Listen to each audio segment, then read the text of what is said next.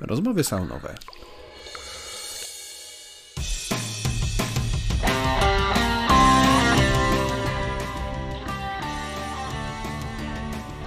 Witam w podcaście Sauna Grow.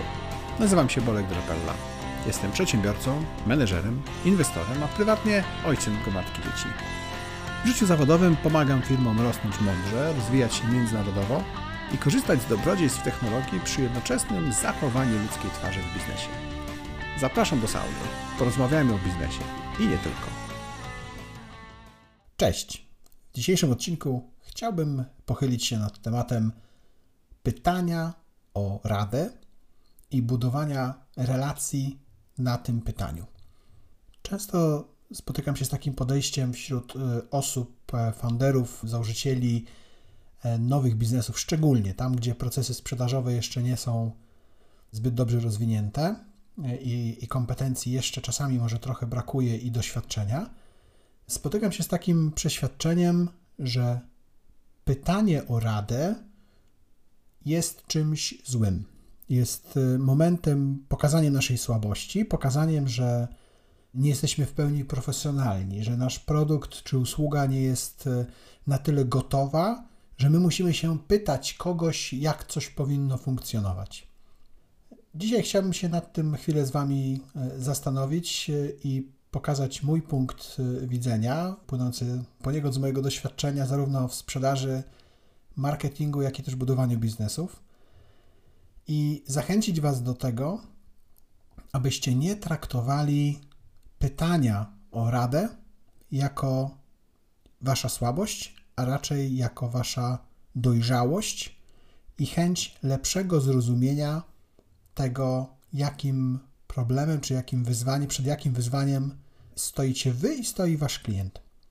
Jest takie powiedzenie, które bardzo często stosuję, z którym się w pełni zgadzam. Proś o pieniądze, dostaniesz radę, proś o radę, dostaniesz pieniądze. I nie działa to tylko w kontekście relacji inwestorskich i tej firmy, startupu, założycieli szukających finansowania inwestorów, ale również w tych relacjach typowo sprzedażowych.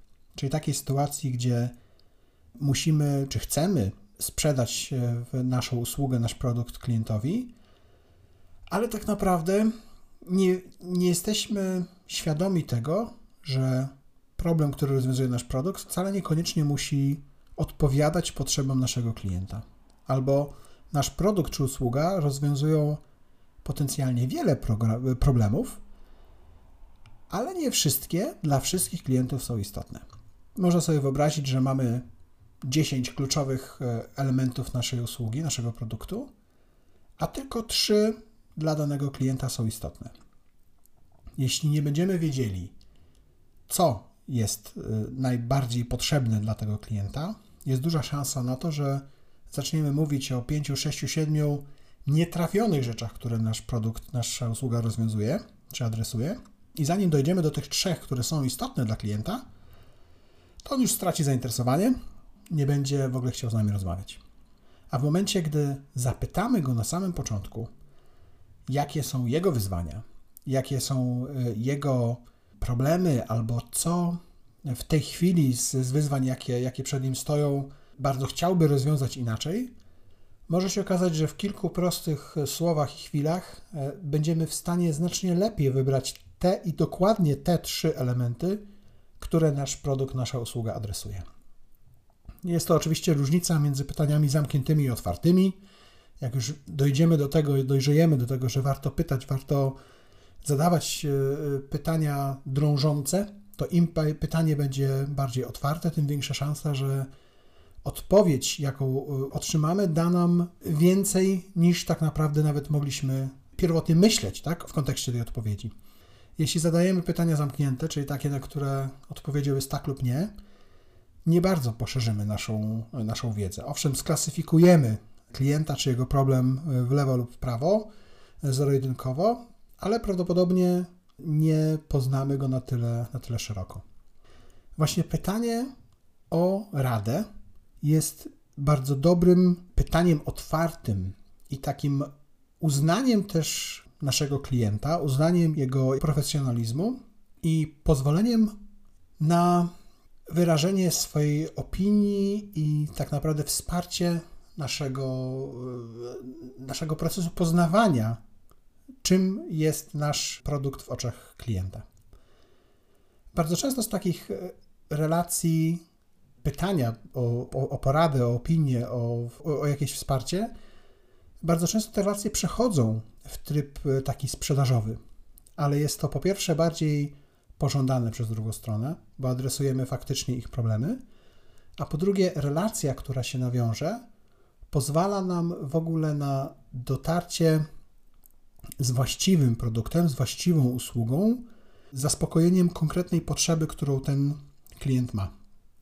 I błędnym założeniem i takim podejściem jest to, że jeśli my pytamy o coś, to znaczy, że tego nie wiemy, że jesteśmy nieprofesjonalni.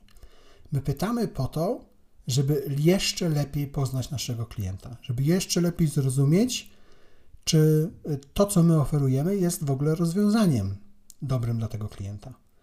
Często z takiej rozmowy dość szybko się okaże, że w ogóle nasz produkt nie jest tym, czego klient szuka.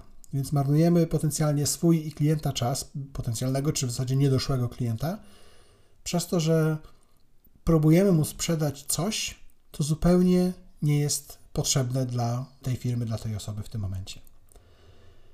Pytanie o radę, pytanie o opinię daje też możliwość, e, szczególnie na wczesnym etapie tego szukania, dostosowania e, produktu do rynku, e, o czym sporo mówiłem w rozmowie z Antonem Kowalem w poprzednim odcinku, pozwala nam budować produkt, nawet jak jeszcze go nie mamy. Czyli na tym wczesnym etapie customer research, tak, czyli tego badania naszych klientów, pozwala nam często niejako na sprzedawanie czegoś, czego jeszcze nie mamy. Sprzedawanie nie w znaczeniu, że tutaj dostaniemy zaraz zamówienie, podpisane przelew, ale sprzedawanie e, w zakresie budowania takiego produktu, jaki faktycznie będzie potrzebny dla klientów. Bo jeśli takich rozmów z prośbą o, o, o opinię, z prośbą o, o, informację zwrotną dostaniemy, czy odbędziemy kilkanaście, kilkadziesiąt, to z dużym prawdopodobieństwem to, co stworzymy, będzie znacznie lepiej odpowiadało realnym potrzebom naszych klientów.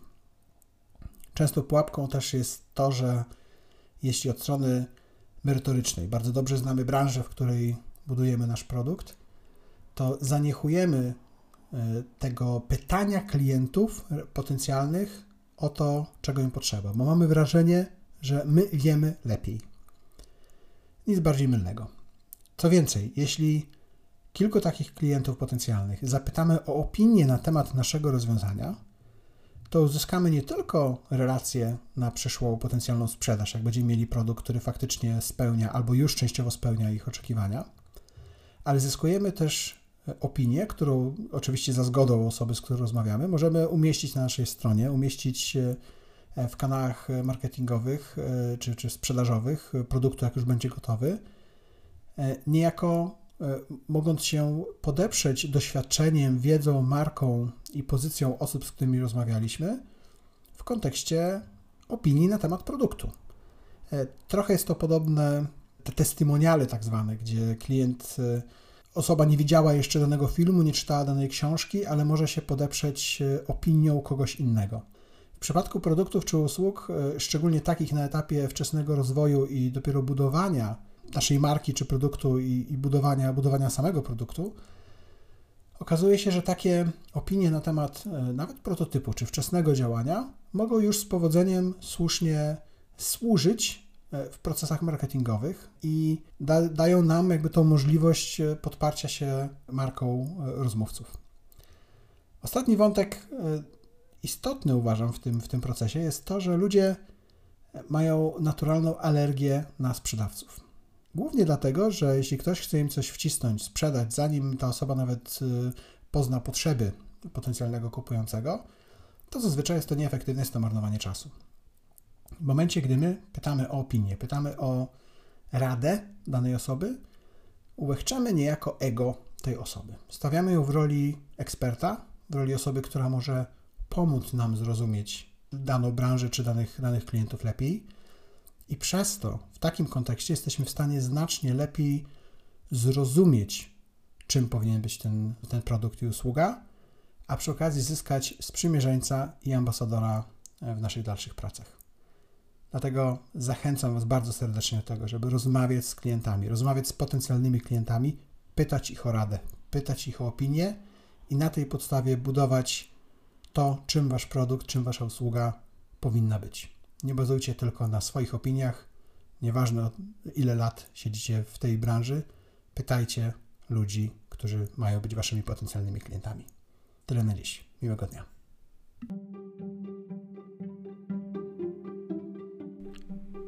Podobał Ci się ten odcinek? Czujesz, że warto porozmawiać o tym szerzej?